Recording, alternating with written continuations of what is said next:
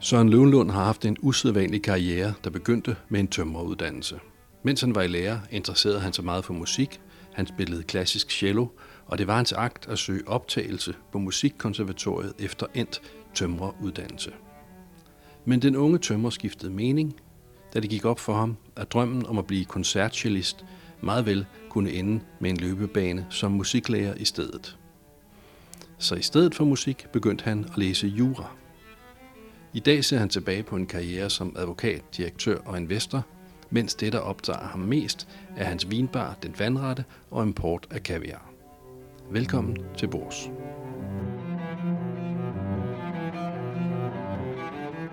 Tak fordi jeg måtte komme. Skål. Jamen, øh, tak fordi du vil øh, komme forbi og hilse på mig. Søren Løvenlunds vej ind i vinens og madens verden begyndte, da han havde en klient, der blev hans arbejdsgiver. Der, jamen, så skete der det, at øh, en af mine, øh, en af mine øh, klienter, det var øh, Nordisk Film. Mm-hmm. Og øh, der var så kommet til at sige til øh, den daværende bestyrelsesformand Jens Jordan, at på et eller andet tidspunkt, så, så vil jeg da gerne ud i det pulveriserende liv og prøve at drive en virksomhed. Ja. Og, øh, og lige pludselig så blev jeg ringet op, øh, og nu var der altså en åbning, så hvis jeg var interesseret, så var jeg meget velkommen. Jamen det handlede om, at jeg fik tilbudt at komme ud på direktør i uh, Nordisk Film. Det var jo et helt nyt sted, jeg skulle begynde at krasse viden til mig. Lige fra at læse øh, regnskaber til at forstå ledelsesprincipper og alt muligt. Bestyrelsesformanden i Nordisk Film var Jens Jordan, som også ejede Sølvrød Kro.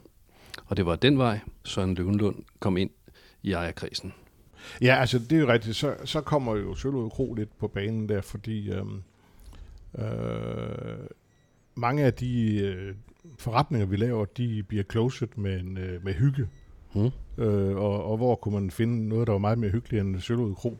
Ja. Og eftersom Jens Jordan så også ejede stedet, så, så var alting jo ligesom øh, lige til højre ben. Ikke? Ja. Øh, og, øh, og der sad jeg så og, og hyggede mig og småbrokkede mig.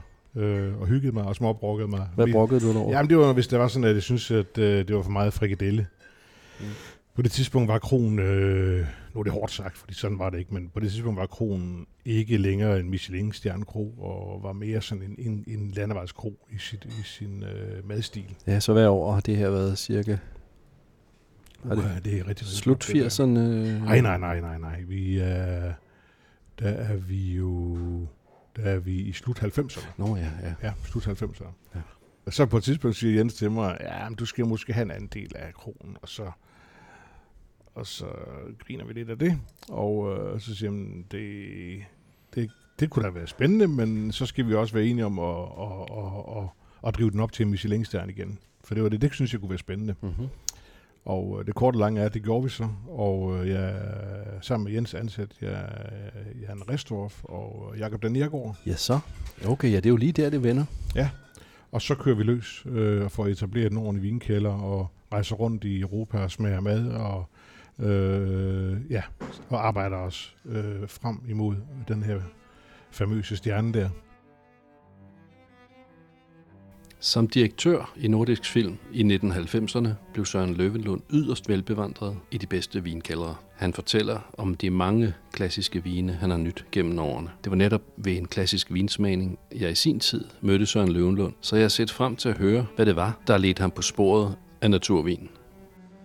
Nu kommer jeg til at sidde og tænke på Albert Camus, mm. som jo skrev en fortræffelig roman, der hed Faldet. Mm. Fordi du sidder her og taler om ja. Chateau Margaux 82, mm. Fritz Haag og Mittelmosel og så videre. Men vi sidder nu i en bar, som tror jeg har en profil i retning af det, som jeg tillader mig at kalde naturvin, velvidende at det er en et udtryk, som vækker en del øh, modstand, især hos dem, der beskæftiger sig med det, fordi det er jo ikke en generisk betegnelse. Det er jo biodynamisk, og der er økologisk, og der er vel andre typer. Personligt drak jeg meget økologisk vin i 80'erne. Mm-hmm. Jeg, jeg var meget interesseret i, i miljøspørgsmål. Så øh, i, jeg tror i fem år, drak jeg næsten ikke andet end, end økologisk vin. Til sidst, så holdt jeg op. Fordi så var det som om, at min tålmodighed, den var, den var opbrugt. For det var ikke særlig godt, og man kunne synes, at det var der. Så jeg lod det ligesom være, og kom først tilbage øh, senere hen i, i nullerne, da der jo begyndte at komme rigtig meget god økologisk vin. Det var der ikke tidligt, men der bekom, mm. begyndte at komme rigtig meget. Og jeg har en stor, øh, hvad skal vi sige, øh, veneration for det. Jeg kan godt lide principperne bag det, at man ligesom med økologisk mad, at man dyrker de her druer uden pesticider, og man forstår tingene. Så, så jeg er med på alt det der. Jeg har også øh, fået masser af økologisk vin. Biodynamisk vin, der er dejligt. Jeg kan især godt lide den der Domaine Romane Conti ja. fra Bourgogne. Den er jo Præcis. biodynamisk. Det er den nemlig. Peter Cisex Pingus, den ja. er også biodynamisk. Der er ja. jo masser af godt. Men indimellem, så kommer man ud på en restaurant, hvad jeg ofte gør, da jeg anmelder dem. Mm. Og så får man præsenteret en vin, hvor tjeneren måske siger, som jeg oplevede for nylig, det I får nu, det er en naturvin fra Tenerife. Og så bliver der skænket, og så lugter man den, og den dufter surt. Og så smager man på den. Den smager bittert med et strejf af mus. Og så tænker man, nej, nej, nej. Fordi for det første, så er det ikke nogen god vin. Mm-hmm. For det andet, så er hele en præsentationen af den jo, den, man får ikke en chance. Vel? Når du sidder og siger Mittelmosel og så videre, og så videre, mm. jeg begynder straks at spore ind på det. Mm. Så der er jo en, en kæmpe udfordring i det her, fordi der er ingen tvivl om, der er nogle skønne naturvine, eller ukonventionelt dyrket osv. Og der er også meget frygteligt. Og nu har jeg lagt kortene på bordet. Mm. Øh, lad mig så høre, hvad din forklaring er på, at vi, vi finder en ellers forstandig mand som dig, som indehaver af den her vinbar. Jamen det er jo nok, fordi der er øh, inde i hovedet på sådan en forstandig mand, så er der sådan et lille sted, der ikke, er, der ikke er, helt lever op til det. Nej, det ved jeg ikke, Ole. Det, øh, øh, grunden til det sådan helt øh, basalt, det var, at, øh, eller er, at jeg bor lige ved siden af her. Øh, og øh, så når jeg sådan gik her, så kunne jeg se, at der var sådan et lokale her, som øh, sådan en halvkælder, øh, som var ved at blive tømt. Og så spurgte jeg ligesom til, hvad sker der her? Og den ligger, som du ved, lige over for den her nye øh, udplads øh, med udsigt til Noma, og jeg har læst, der skulle komme sådan en bro på et tidspunkt, og ja. så lagde jeg ligesom de forskellige ting sammen og tænkte, nah, men, det kunne da godt ske, det var en god beliggenhed det her, at lave et eller andet sjov øh, i. Um, og så, um, så forholder det sig sådan, at jeg har kendt uh, Sune Rosford i vel 25 år eller sådan noget. Han har nemlig også lavet andet naturvin, men uh, næsten ikke. uh, og så siger jeg til Sune, Sune skal vi ikke, uh, skal vi ikke prøve at, at lave sådan en vinbar, og så får du et sted, hvor at, uh, at vi kan udstille uh, din, uh, din vin. Uh, jeg, jeg, jeg, forbeholdt mig dog, at vi skulle kunne sælge konventionel vin også. Øh, og jeg sagde også, at vi må ikke have løftet pegefinger. Jeg gider ikke at have noget mere rigtigt end noget andet. Det må folk selv vurdere, øh, og man er velkommen til at drikke øh, præcis, som man vil. Jeg har selv en pæn, stor kælder med konventionel vin, som jeg nyder godt af løbende. Og øh, indimellem slipper jeg ovenikøbet flasker med herned mm. øh, også. Så der er ikke sådan nogle restriktioner, eller nogle fordomme, eller nogle grænser for, hvad vi må og kan, og hvad vi synes er rigtigt og forkert. Men men, men det er nu engang det, som uh, Sune og, Rosford har specialiseret sig i, og, og der, hvor vi har mulighederne for at få et stort, flot sortiment. Um, jeg vil så også godt sige, at nu, nu siger du sådan, du kommer ud og får sådan en oplevelse der, ikke også? Uh, men så vil jeg godt tænke mig at spørge også, har du, har du aldrig fået sådan en oplevelse med en konventionel vin på en restaurant, hvor du kommer ud et sted, og så hælder de noget op til dig, og så siger du, hvad er det for noget? Jo, jo, jo, jo det, så, det, det, det har jeg. Grunden til at spørge, det er bare fordi, at vi har, lidt, vi har en anden tendens til at huske rigtig, rigtig godt de der ting, der lugter lidt af, af, af jord og, og, og abebuer og andre ting. Øh, og mus, som er et begreb, kendt begreb inden for øh, naturvinsverdenen. Øh, men øh, hvis, du, hvis du tager sådan et bredt spektre af øh, konventionel vin og stiller op foran dig, så vil jeg gætte på, at der er et sted mellem 10 og, og 20 max procent som du overhovedet gider interessere dig for. Mm. Resten vil du faktisk gerne undgå overhovedet at smage på. Øh, og det samme gør sig selvfølgelig gældende inden for naturvin. Så hvis man stiller 100 naturviner op, jamen så vil der være 15 af dem, som vi to vil, sikkert vil nyde med stor velbehag. Mm. Og så vil der være øh, en hel del, som vi ikke har lyst til at, at, at, at stifte så meget bekendtskab med Ja. at gå tilbage til. Ja, Så, det- så det- på den måde det kan man... Ja.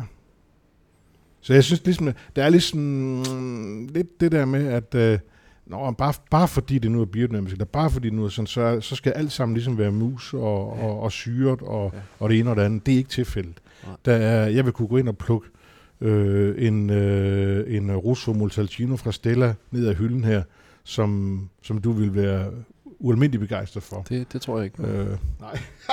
så det må vi lige komme an på en prøve. det gør vi, Ole.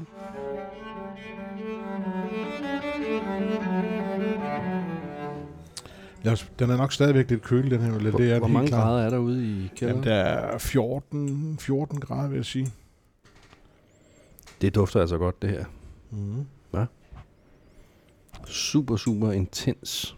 Mm. Øh, sådan moden frugt og en Uh. frisk syre. Meget lækkert.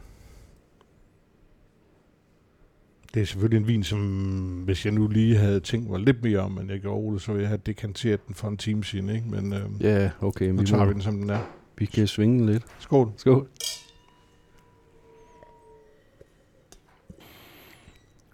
Mm. Oh, den er flot. Den står sådan virkelig samlet, Mm. bestandt og, og sådan lidt, lidt vibrerende. Men kan vi kalde det en naturvin? For jeg tror, der er mange, der vil sige, hvis du serverer det for dem, så vil de måske sige, men det er ikke en naturvin, den smager ikke af mus. Ja, men det, er- altså, jeg havde engang en, en, øh, en, en professor på, øh, på universitetet, som sagde til mig, at øh, hvis øh, teorien ikke stemmer overens med virkeligheden, så er det, så er det værst for teorien. Og, mm. det, øh, og det er sådan, at vi må forholde os til virkeligheden, ikke? Ja. Og den er bare, at sådan kan naturvin, altså, eller, Ja. eller biodynamisk i hvert fald, biodynamisk vin jo også smage, ikke? Ja. Jeg vil sige, det der med naturvin, det er jo, uha, hvis man spørger Sune, er det naturvin, så vil han sådan nærmest ikke sige noget. Ja. Øh, hvis man øh, spørger mange andre inden for branchen, så vil de, de lidt berøringsangst over for det der ord, fordi det netop øh, har været sådan en kampplads Ja. øh, tidligere, øh, hvor, der, hvor det nærmest blev sådan helt emotionelt, eller det blev det for, no, for nogen religiøst. ikke? Ja. Ja, ja. Så at, øh, jeg vil sige, at øh, jo, lige så vel som Domaine Romane Conti øh, er en, en biodynamisk vin, og øh, øh, øh, Clos som du sikkert også kender til, Ja. som er helt fantastisk fremragende vin efter min smag. Og så øh, for eksempel Stella, søsterne her, som også laver en fantastisk... Ja. Øh, altså, igen, det der 15 15-20 procent stikker ud og, og gør det særdeles udmærket. Men jeg vil også sige, nu er det jo netop for at være selskabelig, at jeg påtager mig rollen af djævelens advokat i dag, Ja, ja. og, øh, og, og siger nogle ubehageligheder om naturvinen. Men, men der, hvor jeg selv bliver lidt træt, det er, når man taler med nogle folk, og det er tit unge mennesker, øh, hvor, hvor, hvor nogen siger til mig, jeg drikker kun naturvin, jeg kan ikke lide konventionel vin. Og der bliver man, nej, du har også hørt den her. Ej, jeg kan ikke lide fransk vin, det er surt. Altså, der er jo ingen tvivl om, det er jo nogle mennesker, som, som ikke interesserer sig så meget for vin, og nok heller ikke har smagt så meget, men så får de jo så den her øh, forestilling, jamen, jeg kan ikke lide fransk vin. Og lige sådan er det jo med naturvin. Altså, det, det er jo ikke rigtigt at sige, jeg kan kun lide naturvin, eller jeg kan kun tåle naturvin, fordi der findes jo vine, der hverken er økologiske eller biodynamiske, men alligevel er fremstillet uden en masse manipulation Mm. og med et minimum af svovl. Ja. Så det er jo et spørgsmål om at tage udgangspunkt i den enkelte vin. Og hvis vi gør det den her, så vil jeg sige, hold da op. Det er, jeg glad, det er jeg glad for. Ja. Jeg, jeg synes selv, det er en pragtfuld vin, som jeg har nævnt et par gange nu, men øh, øhm, ja, altså det der med at have de der lidt øh, kategoriske synspunkter, det, øh, det, det ligger ikke rigtigt til mig. Jeg, jeg, jeg synes, det er lidt synd øh, at have det, fordi man afskærer sig fra en masse oplevelser, og man, man bliver måske låst i nogle forestillinger og sådan noget. Jeg, øh, jeg synes, det, det, det, for mig har det været meget givende ligesom at, at næsten arbejde på at være åben i forskellige sammenhænge, og det gælder også, når man spiser, øh, det har du garanteret været ude for rigtig mange gange, Ole, og du har siddet og kigget på noget på en tallerken og tænkt, hovsa, skal jeg nu også have det her ind i min krop, ikke? Øh, men man gør det jo, fordi at det er en sur pligt, ikke? Ja. Øh, og så tror jeg også, du vil også opleve, at du så bagefter har tænkt, hold da op, det var godt, jeg gjorde det. I hvert fald til at begynde med, ikke? Ja. Øh, og den udvikling, øh, hvis man har det åbne sind, og ligesom, og, og, og, og så samtidig også øh, øh, står ved, at man ikke kan lide alt det hele. Mm. Øh, og øh, hvis man giver et lille barn en, øh, en øh, fingerbøl med bayersk øl, så vil de jo løbe skrigende væk, ikke? Mm. Ja. Øh, det er jo noget, man skal lære også, kan man sige, at drikke, ikke? Ja, ja. Eller skal man lade være?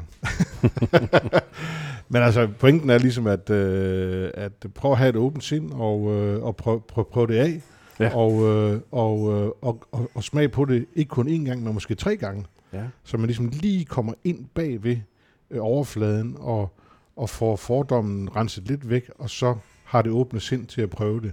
Ja. Det, det har i hvert fald hjulpet mig en del med at komme igennem mange sjove ting.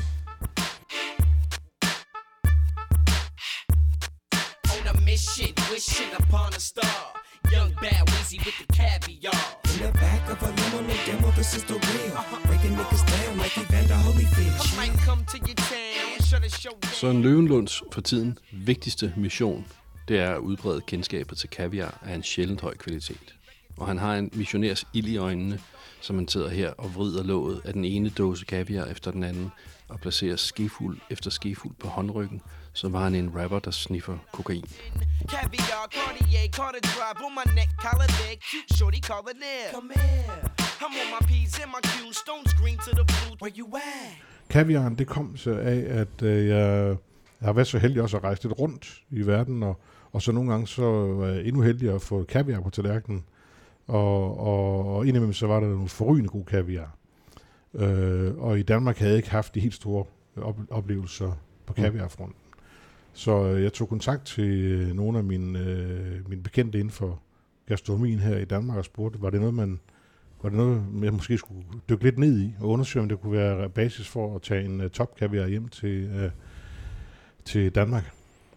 Så, så, uh, så, så opstillede jeg nogle kriterier, og det synes jeg, man skal, uh, så man ikke bare blaffer rundt. Og, og, og uh, så, der, så etablerede jeg fem kriterier. Det ene det var, at uh, det skal smage godt. Hammerne godt. Det skal se rigtig flot ud. Uh, det skal være helt uden tilsætningsstoffer. Uh, det må ikke være ompakket og det skal komme fra en bæredygtig farm. Okay. Og bum, så, så blev øh, feltet ganske snævert. Nå. Øhm, og øhm, så begyndte jeg at afsøge markedet, og øh, på et tidspunkt så ryger jeg ind i Royal Belgian Caviar. Øh, og jeg synes, det er en virkelig fin kaviar. Smager rigtig godt.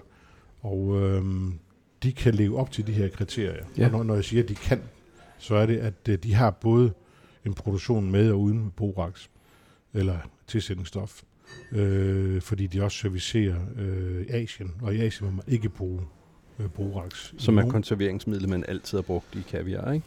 Øh, hvis vi lige skal tage borax, så kan man sige, at øh, borax er et, et E285, som det hedder, øh, er en borsyre, som man øh, øh, som ikke må bruges i fødevarer. Det er udgangspunktet. Men, men man må gerne bruge det i kaviar i øh, nogle dele af verden. Okay. Øhm, formentlig ud fra den devise, at øh, man æder sgu nok ikke så meget kaviar, som man når at blive syg af det her. Ja. Øhm, det er 100% forbudt i hele Asien. Ja.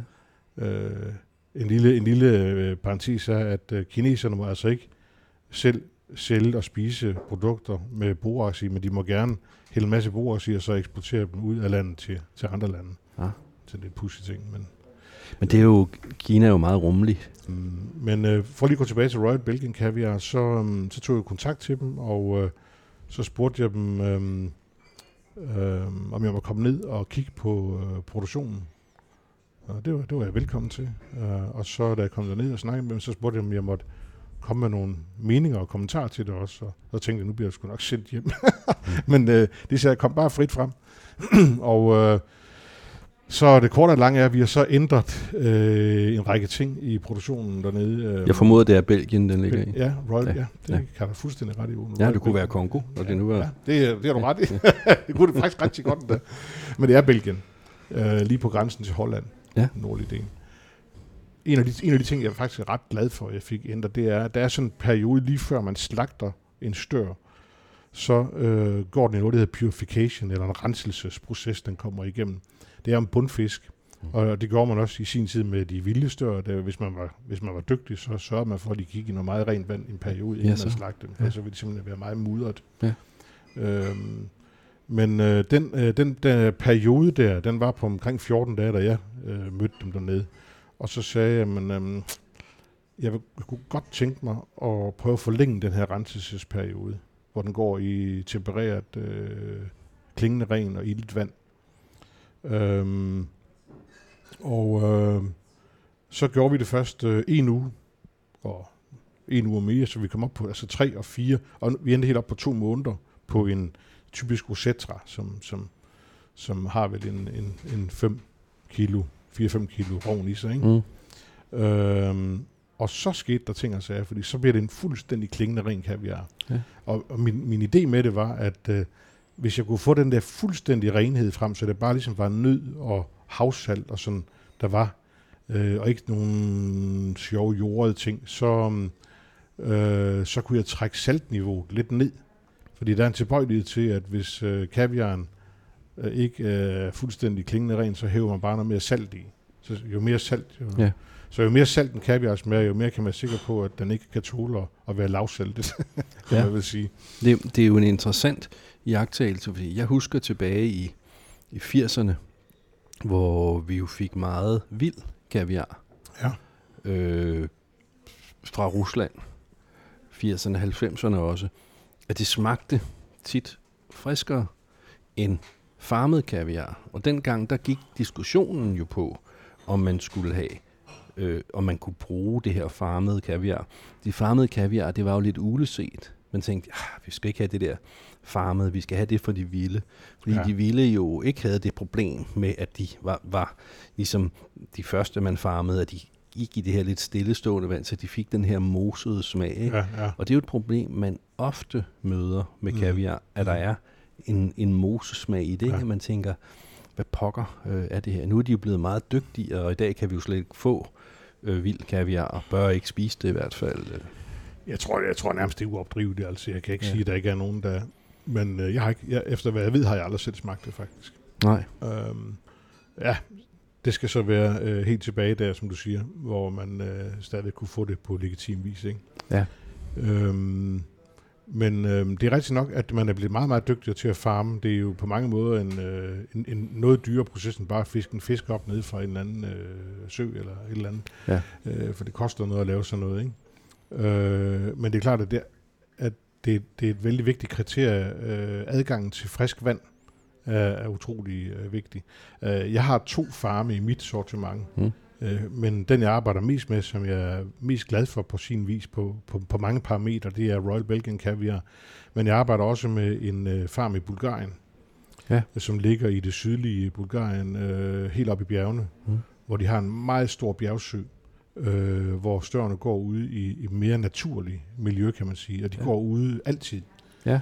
Øh, det betyder også, at øh, Er de i, i en hal i Belgien? i Belgien er, har begge det. De har seks øh, åbne søer, Ja. hvor de går ud helt frit Ja. ja. i naturen. Mm. Øh, eller damme, kan du sige, som de simpelthen kan dræne, dræne ud, når de Ja. ja. skal have dem op. Mm. Og så har de store indendørsfaciliteter også, når vi skal lave hele den her rensningsdel Ja. øh, del og så videre. Ja. Og, og, for, og, og, og øh, yngel og alt sådan noget. Ikke? Mm. Øh, hvor i øhm, Bulgarien, øh, der er gårdstørene øh, principielt ude. Øh, de er selvfølgelig også indhegnet, kan man sige, så ja. Ja. de ikke forsvinder ud i den vilde verden. Mm. Men øh, det er en sø, som har en meget, meget stor øh, friskvandsgennemstrømning. Ja. Og det kan man simpelthen se ved at stå og kigge på, hvordan strømmen bevæger sig. Ja. Øh, der, er et, øh, der er en øh, dæmning i den ene ende, som styrer det her også. Øhm, og det er en særdeles flot kaviar. Mm. Vi skal prøve at smage dem, Ole, på et tidspunkt. Så kan vi smage dem op mod hinanden også. Så kan du komme med en idé om, hvordan Ja. få en idé om det. Ja, lad os gøre det, ja. Øhm, for lige at runde den af, så vil jeg sige, den, øhm, det der er problematisk i forhold til en moderne verden, det er, at størne, de, øh, når de går i deres naturlige miljø, så, så gyder de kun på bestemte tidspunkter. Det vil sige, man har sådan en periode, der hedder, hvis man er heldig, så er det fra begyndelsen af september til slutningen af maj. Mm-hmm. Så bliver det for varmt.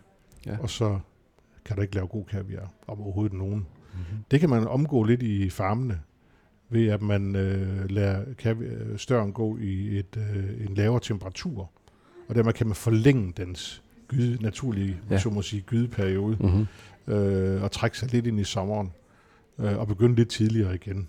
Øh, så at øh, der er både pro et kontra med det der. Ja. Men der er ingen tvivl om, at øh, et meget, meget vigtigt parameter, det er adgangen til frisk vand. Det er helt klart. Så er der i dag, øh, i dag er, er evnerne til at, at, at recirkulere og rense og så videre, er, det er fremragende. Altså, man kan virkelig gøre meget i dag. Ja. Øhm, så derfor bliver det der parameter nok mindre og mindre vigtigt. Men stadigvæk øh, synes jeg, at det er så vigtigt, at man kan fornemme det i smagen. Ja. Så. det var da en lang snak om kaviar. Ja, man bliver helt sulten. Ja, men øh, lad os prøve, Ole. Skal vi... Øh, øh, lad mig se en gang her. Jeg har taget sådan lige med til dig der, så kan du... Kom, så har du huskeseddel der, ikke? Ja, tak. Øhm, jeg vil foreslå, at vi... Jeg vil foreslå, at vi øhm, prøver at smage en... Den bulgarske først, faktisk. Ja. Det er en meget øh, elegant. Øh, den, den kommer i sådan nogle her. Det ligner jo det, vi kender fra Rusland. De originale dåser. Ja. Øh, det er den mindste dåse, de laver. Ja. Og de, øh, de gør det på den måde der. Øhm, øh, fordi det har de altid gjort. Mm. Og, og så også fordi, at øhm, kaviaren udvikler sig på en anden måde, når den er i sådan en original dåse, som du kan se her med et øh, gummibånd. Mm-hmm. Det vil sige, at man overfylder dåsen, så sætter man et løg oven på låget, Ja, og så langsomt og roligt, så excess øh, vandet, det siver ud. okay. Øh, og så på et tidspunkt, øh, når den har stået sådan og, og komprimeret lidt, så sætter man det her gummibånd på, som gør, at øh, der ikke længere kan sive ilt ind i dåsen. Mm-hmm. Men du ved godt, når noget øh, modner, så har det en med udvide sig. Ja. Og det vil sige, at der kan stadigvæk træ- trække excess olier ud. Ja. Så der- der er plads til, at kaviaren kan, kan modnes Ja. i den her dåse på Okay. en anden måde. Og i og med, at den så også er komprimeret, og der er mange ting i det, som gør, at det bliver bare en anden, øh, en, anden en helt anden... Øh, det, det vil svare lidt til en forskel på en, altså en vin, der får lov til at modne med en, en, en kork, hvor der er et eller, andet, et eller andet samspil med naturen udenfor, Ja. i modsætning til en, der bare bliver hermetrisk lukket. En skrueprop for Ja, eksempel. for eksempel. Ikke? Nu den der, den er meget let, kan du godt se, Ule, fordi at jeg tænkte, vi to kan ikke sidde og spise. Det kunne vi nok godt, men så skulle Ja, det vil jeg også sige. Det, det havde du ikke behøvet. andre. 250 gram øh, Ja. Osetra Ja. ja. Imperial. Det, det er jo en, en, en smuk dåse, som, som ja, minder om de klassiske, øh, som man, ja, de var vel både fra Rusland, men vel også fra Iran. De havde vel alle sammen den her blå overflade, og så er der nogle bogstaver med guld og hvidt, og så er der en stør sådan henover, og så en cirkel, hvor der er tegnet øh, kaviar og så her står der Malusol, Ja. som jo er den, Let saltet. den let saltede. Ja, ja. Øhm, ja, den, som sagt, så det, det der det hedder, det hedder faktisk på fagsproget uh, mother tin. Øh, og de er som udgangspunkt øh, 1,8 kilo cirka, de her mother tin. Ja. Øh, og og det, det er det, som øh, mange farme, de øh, producerer kaviar, og så lægger de det op i mother tin, så sælger de dem i sådan nogle store dåser Ja. øh, til forskellige pakkerier eller store indkøbere. Og så, når det, så kommer de her kæmpe dåser kørende ind, og så er, er der så nogen, der står og ompakker det her i mindre dåser. Ja. Og øhm, det er det så, og det var det så, jeg sagde, det, det kan jeg ikke rigtig lide, at øh, nogen piller ned i min kaviar, og piller den over i en anden dåse, og sætter en label på. Fordi hvad nu, hvis øh, det pludselig, man misser en Mm. dåse, der skulle hedde noget andet, eller hvad ved jeg, ikke? Ja. Øh, så, så den øh, usikkerhedsfaktor vil jeg gerne øh, eliminere, og det kunne belgierne hjælpe mig med, ved at de øh, pakker alting direkte efter slagtningen på stedet, i de dåser, vi bestiller. Ja. Og så lander det heroppe tre dage efter slagtning. Og øh, i Bulgarien, der kunne jeg få dem til at lave de her mother tins i 250 gram, øh, så det stadigvæk, øh, vi stadigvæk er trofast over for metoden, Mm. øh, og den måde, de føler sig komfortable med at behandle deres kaviar på. Og samtidig i nogle dåsestørrelser, som de større øh, restauranter vil kunne håndtere. Ja. Og øh, sådan nogle øh, gourmeter som der er mig, synes også, det kan være rigtig hyggeligt og knap 250 gram op Mm. øh, i gode venners lag. Øh, kunne jeg forestille mig. Ja, hvis ikke der er en 500 gram eller 800. Ja. Men Ole, jeg har gjort det, at jeg faktisk har øh, lagt, øh, jeg åbnet den her, og så har jeg lagt den over i, øh, i sådan en, en lille dåse her. Ja. Så at vi har en mulighed for at smage den, ikke? Ja. Og øh, så synes jeg, vi kan starte med den. Og den her, den her øh, kaviar, den er jo, øh, den her, den er produceret den øh, syv, den er produceret den 27. Øh, september. Ja. Øh, og så er der fire måneders holdbarhed på den, fordi der ikke er borax i. Ja. Ellers vil der have været øh, 8-10 måneders holdbarhed på den. Og det, der, det er igen det, det der med boraxen, det er, at øh, det er rigtigt nok, at det, er- det er dyrere at lave kaviar uden borax. Det kan lyde mærkeligt, fordi man sparer jo produkt, Mm. nemlig boraxen. Men det kræver, at man arbejder som, lidt som en operationsstue med renhed, øh, Ja, i, ja, helt ja. op i, i højeste gear. Ikke? Øh, og, øh, og samtidig med det, så er det sådan, at når det her med renselsesperioden, når man forlænger den, så risikerer man, at støren den går over. Altså den overmodner. Okay. Den risiko stiger jo, jo længere man venter. Øh, så derfor er der flere, der skal gå om, kan man sige, i en ja. to-tre års periode. Så var lige den her til at tage lyden, når du åbner. Nå, jeg bobber lige den her. Bob. Nå. Lad os så se. Nu er... Den kommer lige derfra for et øjeblik siden, ikke? Ja. Så har jeg nemlig øh, lidt skære til os, Ole. Uh, og det er benskeer. det er øh, perlemor. Øhm, det er faktisk en, øh, en lille perlemor, der hedder øh, Yellow Lip. Hvis du kan se, så har den sådan lidt, lidt gylden øh, skær Ja. I, øh, i håndtaget, var jeg lige ved at sige. Og øh, så jeg, har- jeg har fået fat i både en, der hedder Yellow Lip, og en, der hedder Black Lip. Så den ene er så af god grund sort, og den anden er lidt øh, Okay. her, ikke? Ja, ja. Så nu synes jeg, du skal øhm, prøve at dykke ned i den her. Og så, jeg vil foreslå, øh, jeg vil foreslå, Ole, at øh, vi gør sådan her, og så lægger vi den bare op her, fordi så kan vi bruge skeen igen og igen, uden at Ja. smitte hinanden, ikke? Så det oplevede jeg første gang nede hos øh, Michael Rebase i Schweiz, nede hvor de laver barlik Ja. øh, laksen, hvor vi sad op til en frokost, og der gik den der mother tin rundt. Vi sad otte mennesker omkring bordet, Mm. og så den der mother Ja. tin, som du kalder den, Mm. går rundt, hvor han lavede det her. Ja. Og det er det, man har set i film, når de sniffer kokain Ja, i, ja. Øh, så lægger de kokainen op Ja, i, på ja. håndryggen og tager den op. Så man følte, det var sådan en lille smule... Øh, Du fik altså en association, der så blev bange for, at det var noget forkert over den næsten, ikke? Jamen lidt, det var sådan at, at, at spise det på den måde, altså, hvor Ja. man tænker, det, øh, men, men, men det, gav jo, det gav jo stor mening. Ej, nu fik jeg taget alt for meget. Og så man skal øh, have, så man kan smage det, ikke? Og man skal faktisk gerne smage en kaviar en, en tre gange, synes jeg, for at den kommer ind i låget på en, ikke? Det her, det er sindssygt godt. Mm. Altså, det er sindssygt godt. Der er den der friskhed, først og fremmest får den ind. Der er det der, at man ligesom nærmest har hoppet ned i noget havvand. Mm. Køligt, men ikke for koldt. Salt. Fedt. Lille smule fedt. Mm. lille smule nød. Og når man så har sunket det, så er der en ren smag i munden. Der, Mm. der er sådan en lille nødesmag, der, der, der, der langsomt øh, forsvinder. Mm. Og selve æggene er jo de er faste, men de er ikke gummiagtige. Øh, så man, man bider Ej, de- ned igennem De dem, bobber lækkert, ja. hvor kan vi, og der er ikke skyggen af den der mosesmag. Nej. Problemet er jo, at man ofte får det her kaviar, som er et, gummiagtigt i konsistensen, to, moseagtigt Mm. i smagen, og så tre, hvis det er rigtig slemt, tørt. Hvad siger du, Ole? Det er, bare, det er sådan, sådan skal det være, ikke? Jeg, jeg er helt vild med Ja. det her. Jeg tænk, de, de får mig til at tænke på den smagning, øh, vi havde i børsen regi her, var det forrige år. Ja. Øh, vi har jo lavet kaviarsmagninger nogle gange Mhm. igennem årene. Mm. Øhm, men det her, den var meget interessant, fordi at de tre bedst placerede kaviarer, og vi Mhm. havde virkelig mange, Mm. mange forskellige, de tre bedst placerede kaviarer, vi smagte dem selvfølgelig blindt, som når vi smager vin, Mm. men efterfølgende, når vi så dåserne og, Mm. og gik tilbage til producenterne, de havde alle sammen et meget lavt indhold, eller slet ikke noget tilsætning, af det der borax, du taler om. Ja, ja.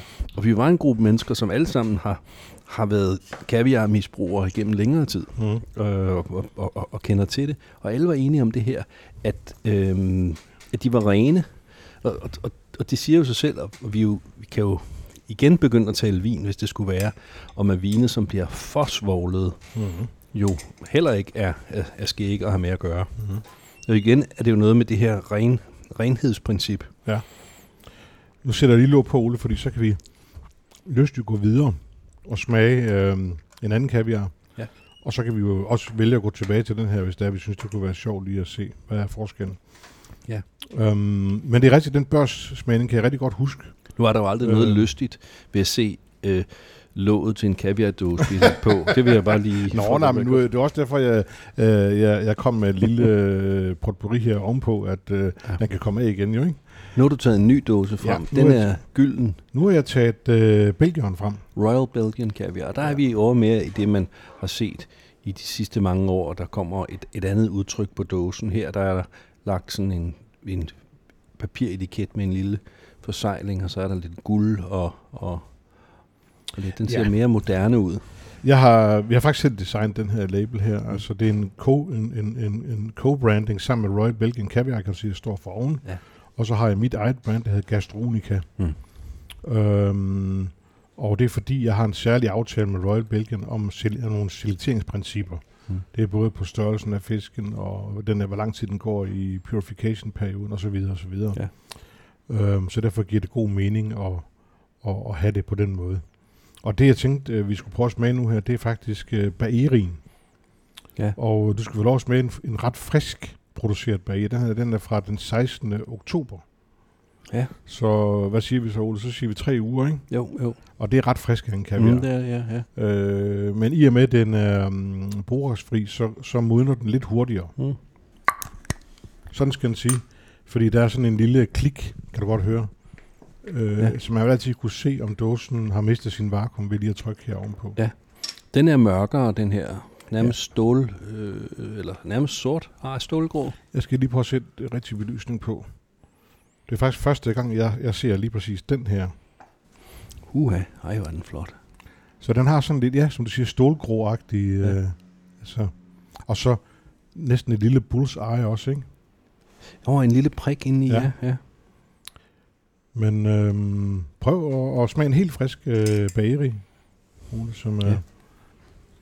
Her er, den er meget blødere end den anden.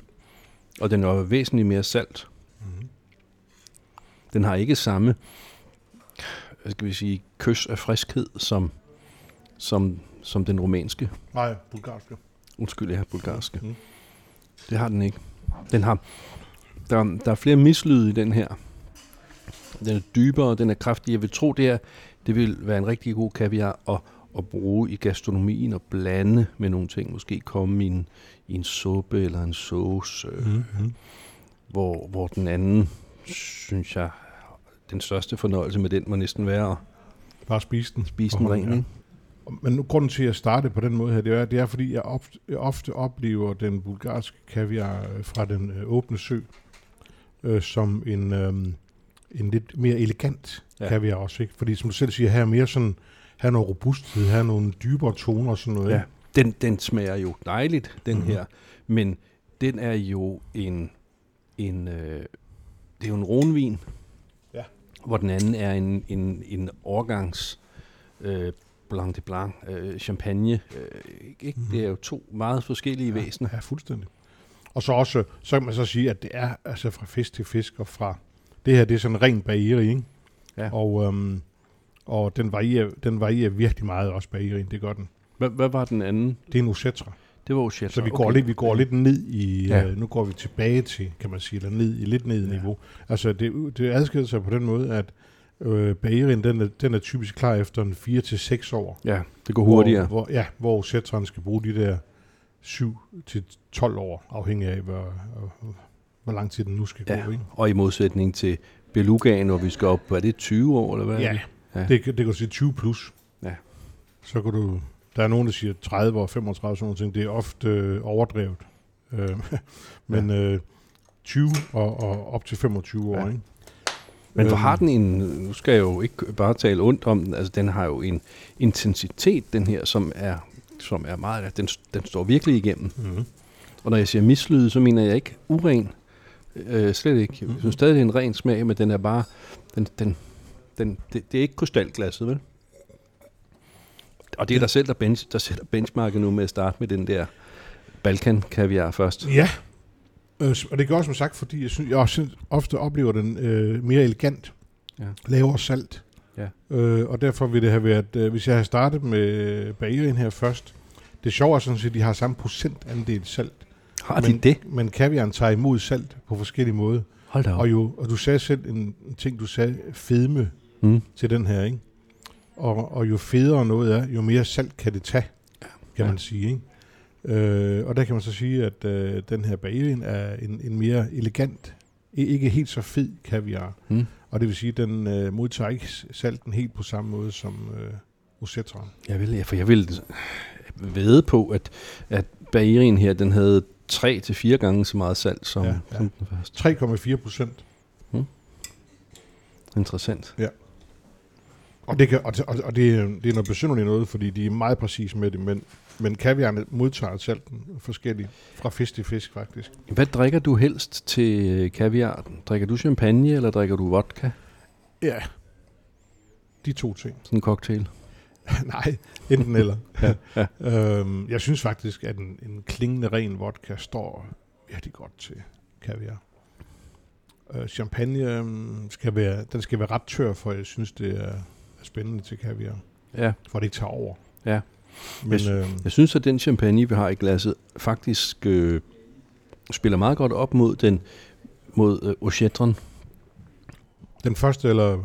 Nej, øh, Ja, Bayerin, Bayerin, ja. Bayerin, Ja, undskyld. Ja, ja, ja, jeg, jeg, Ja. jeg synes ikke, til Ochetron, der er, den, der, der, er den, der er for meget syre her, Ja, ikke? men til enig, den her, den, den, den frisker godt op. Ja. Så synes jeg, vi skal prøve at, at, at smage en uh, Royal Belgian Caviar uh, Platinum. Og så spørger jeg, hvorfor, hvorfor pokker her den nu Platinum? Det er så, man kan tage flere penge for den. Nej, det er... Um, Platinum er faktisk en hybrid mellem Baeri og uh, Osetra. Nå, så det er vidderligt en, en, en, en art. Man har lavet, man har lavet Baerien møde Osetron. Helt naturligt. Ligesom ja. man lader en japaner møde en dansker, og så kommer der en meget dygtig pianist ud af det, ikke? The mix of genes. Og jeg, jeg skal love dig for, at det er nogle virkelig flotte fisk. Og det er også nogle rigtig flot kaviar, det kommer ud af det. Så at øh, det der med at, at lave det der, øh, og lade de her møde hinanden, har været en rigtig god idé. Og den her, det skal lige sige, Ole, før vi popper den, det er, at den her, den, her, den er høstet den 18. september. Så nu begynder vi at komme op i 6 6 uger, ikke? Bum.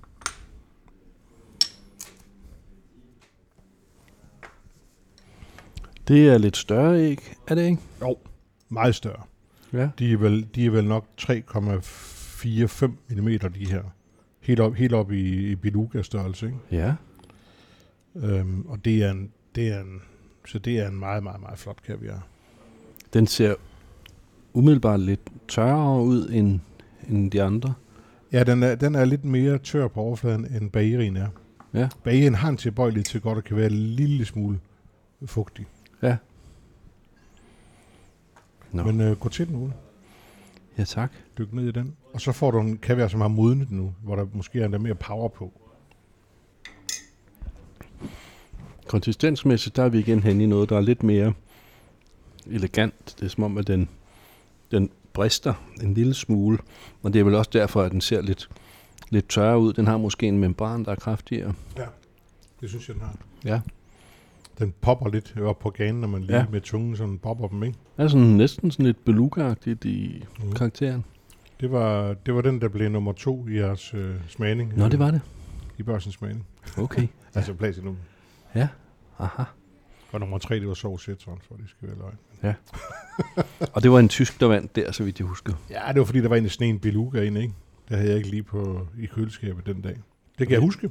For jeg kan huske, der var en beluga ret langt nede i, i, i rækken, Ja, som, som igen det kan jeg også godt huske. så, så kommer man også til at, at, at, at tale om det der, når man begynder at lægge for meget i en betegnelse som naturvin eller bourgogne. Eller, altså, man skal jo ikke tro, fordi at der står det her på omslaget, så er det også det, der er inde i. Jeg vil sige, den her, den her Platinum, den er jo, den er, er restauranterne utrolig glade for. Den, er, den smager sindssygt godt, synes jeg selv, og den, øh, den har de her store, flotte øh, rovn, og den, øh, Mm.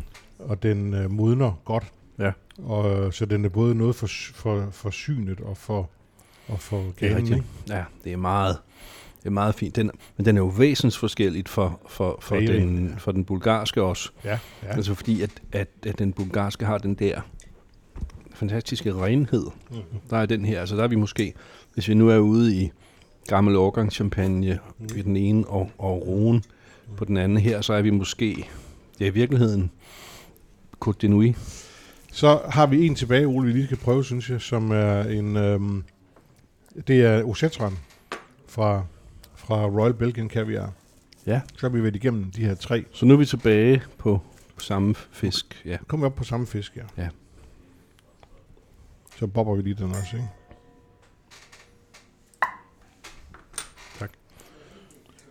Og så ser du noget ret spændende her også, ikke? Mm. Den er jo helt lys. Der har vi, den er sådan helt sådan grøn, grønlig i skæret, ikke? Ja. Øh, lidt mindre rovn end øh, platinummen. Og øh, det er, vi er, nede i nogle, vi er nede i nogle få procenter, hvor den kommer ud med den der lyse farve. Nå. Det er meget eftertragtet. Særligt, i- særligt i Japan er de helt begejstrede for øh, de her lyse kaviar. Det plejer at have noget med alder at gøre, ikke? At jo ældre den er, des lysere bliver den. Nej. Det må jeg Nå. sige nej til. Det, det, mm, det, det, har, det har du ret i på den måde, at når den, øh, når den modner, Mm. så sker der noget med farven. Det er rigtigt, over- overordnet set. Men, Mm. men når du sprætter støren op, så er den, så er den mørk, eller grå, eller lys. Mm. Og, og så er for eksempel en, når man siger det på, en, en kaviar, som er sådan lidt lysebrun, når man lige åbner støren, den kan godt trække over i at få sådan en flaskegrøn farve i løbet af 3-4 uger. Ja. Øhm, men, men sådan den grundlæggende tone, den er der, når man åbner fisken, så kan man simpelthen se, at det, er en, det kan jeg vise dig på nogle billeder også, Mm, når, når mm. den er... Så det her, det er jo... Den er ikke albino, men den er lys, og den har det her lysegrønne. Hvad sker? Du kan lige, hvis du vil have en helt ren. Ja. Tak. Så. Nå. Den her, den er jo mere kompleks i smagen. Lidt, øh, som om den har lidt flere facetter. Men igen, det er sådan et, et ret udpræget salt, salt væsen. Og så er det den første af dem, jeg smager, som har en, en lille smule fiskepræg. Mm-hmm. Lidt som hvis man spiser Anchosagtigt? Nej, eller? nej, nej, nej, rødspætte, eller, ja, rødspætte, eller måske skrubbe. Øh, meget karakteristisk. Der er, rigtig meget smag i den. man behøver ikke at, at, bruge så meget af den her. Nej, den, den, er, den er ved at være der, hvor den er meget intens. Det var derfor, jeg synes, det var lidt sjovt at, øhm, at, at prøve at smage den her øh, ret friske Bahiri, vi havde først. Ikke? Ja. Og så pladsen, der ligger lidt midt imellem, og så den her Osetran, som har fået lidt ekstra. Og det var 8 uger, var det sådan? Deromkring ligger den på nu. Ikke? Det er virkelig en meget, meget interessant betragtning, det her. For igen, hvis vi prøver at, at, at, at skrue tiden tilbage 20-30 år, hvor, hvor havde man slet ikke den her diskussion? For alt kom jo med, øh, altså, og var konserveret. Og, og det aller værste, det var jo det der i glassen, ikke, som var pasteuriseret, eller hvad det var, der var sket med dem. Men man kunne slet ikke have den her diskussion. Det eneste, man fik dengang, der var friskt, det var, hvis man var nede hos Prunier i Paris. Mm. Den var jo særlig, fordi den kom lige fra farmen Ja. i øh, Bordeaux. ja. I, øh, og, og så kunne de på den måde lave den frisk. Det, Mhm. Den lavede de nemlig Ja. uden noget konservering. Mm. Men så skulle man være inde hos Prunier og smage Prøv, det. prøv lige at gøre mig en test, så smager den en gang til, Ole, den her. Jeg stiller mig gerne til rådighed. Ja. Det er jeg sådan, ja. Mm. Nu er den mere åben. Den skal lige ud af dåsen, ikke? Så i virkeligheden, hvis man har den på en blinis og stryger den ud Mm. og lader den stå lidt. Nu er den jo dejlig, hva'? Ja, det er det, ja. Fordi at, øh, og det er en anden ting også, altså der er jo mange små ting med det her, som Mm. er små tricks, som man efterhånden finder ud af, som Ja. lige og løfter oplevelsen noget, ikke? Ja. Og øh, en, af, en af tingene er det her med, at, øh, øh, at man godt lige kan øh, lette låget på særligt de her vakuumerede kaviar øh, en, en, et kvarters tid, inden man går i krig med den, ikke? Ja. Så den lige får lov til at trække ilt. Mm. Det er ikke helt det samme, øh, det, det gør sig gældende med de her mother tins med gummibånd rundt om, fordi de, de er på en eller anden måde i kontakt med, med, det, med det ydre Ja. kvæg det her, ikke? Og hvad med den her med at vende dåserne? Det gør man, øh, det gør man altså selvfølgelig med de her mother tins, det gør man. For, for at øh, den access olie, den ligesom siver. Altså man ikke får ja. en tør overflade. Vi, vi arrangerede i, i børsen regi sammen med Bella Vista øh, en gang et kaviar krydstogt i Karibien, hvor øh, Jacob Rossini var med og fortælle om, om kaviar. Ja. Og øh, det var ja, en dejlig tur. Og han forklarede så det her med, at når man havde de her dåser, så skulle man sørge for øh, med nogle gange i løbet af en uge at vende den. Ja. ind i køleskabet. Ja.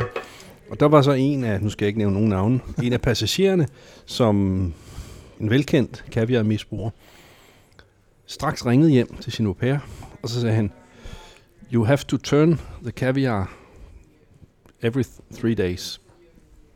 Og det var fint. Da vi så kommer hjem, så, så ringer, ja, så ringer han til mig. Så ringer han til mig, øh, kan I ikke komme øh, på besøg, øh, fordi vi skal spise noget kaviar? Så siger jeg, jo, med glæde. Og, og så stiller ikke flere spørgsmål og møder op. Ja. Og så er historien, at, at hans au pair havde åbnet 10 ja. dåser. Det var ikke mother men det var de store. Og med en Ej. ske stod og vendt kaviaren og satte låget på igen. Ja, så modner de hurtigt ugen. Det kan jeg godt. uh, det var da en skrækkelig historie. Jeg håber, det, jeg håber, det, jeg håber kun, det var to dåser. Men, Jeg tror godt, du ved, hvem det er. Ja, ja, jeg er helt sikker på, at han, han, han begynder med A. Uh, fornavn begynder med A, og efternavn begynder med S. Ja, Altså, så kan det være, altså, så kan det være J. ja men yes. Det behøver vi ikke Det at gå i detaljer. Nej, det tager vi, når vi slukker.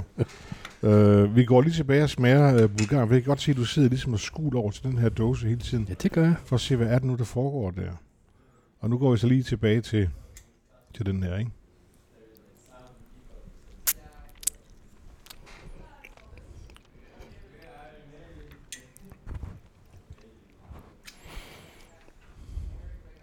Det er sjovt. Den er faktisk ikke så velgørende at gå tilbage til, som jeg havde troet. Mhm. Nu, nu, nu fremstår den en lille smule sky. Ja. Øhm, Fordi du har fået den her, det her saltboost Ja. øh, fra de andre, ikke? Jo. Men stadig meget, meget ren, men den, den, har, den, den er lidt svær at gå tilbage til, ja. Ja. så jeg kan godt forstå, at du arrangerer det sådan her. Ja. Ja. Så det var rigtigt nok. Altså, det er det samme med, hvor er den lækker. Men altså, jeg vil sige, det er som, med- det er som med, med vin også, med tysk vin, som vi snakkede om før også. Altså, man skal også sørge for at drikke de tyske vine i den rigtige rækkefølge, ikke? Altså, starter ja. man øh, med for sødt, så, så bliver det svært, ikke? Ja. Mm. Sgu en fornøjelse. Vi må hellere lige... Ja, vi skåler Skyld. lige. Skål du. Det var hyggeligt. Det var Og- meget hyggeligt. Tak for traktementet, Velbekomme. og tak for den enlightenment, som du har givet mig på Naturvin. naturvinen. Ja. jo, jo. Jeg, jeg tror nok, vi må sige, at det her det er en ultra godkendt naturvinbar. Ej, det, er, det er jeg glad for at høre, Ole. Vi har i hvert fald sådan, at, øh, at selv dem, der tvivler lidt, kan komme øh, glade herfra. Tak.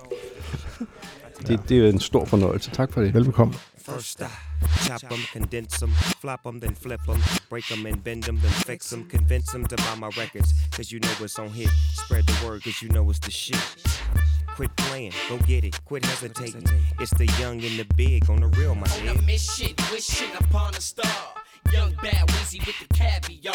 In the back of a limo, no demo, this is the real. Breaking niggas down like Evander Holyfield. On a mission, wishing upon a star.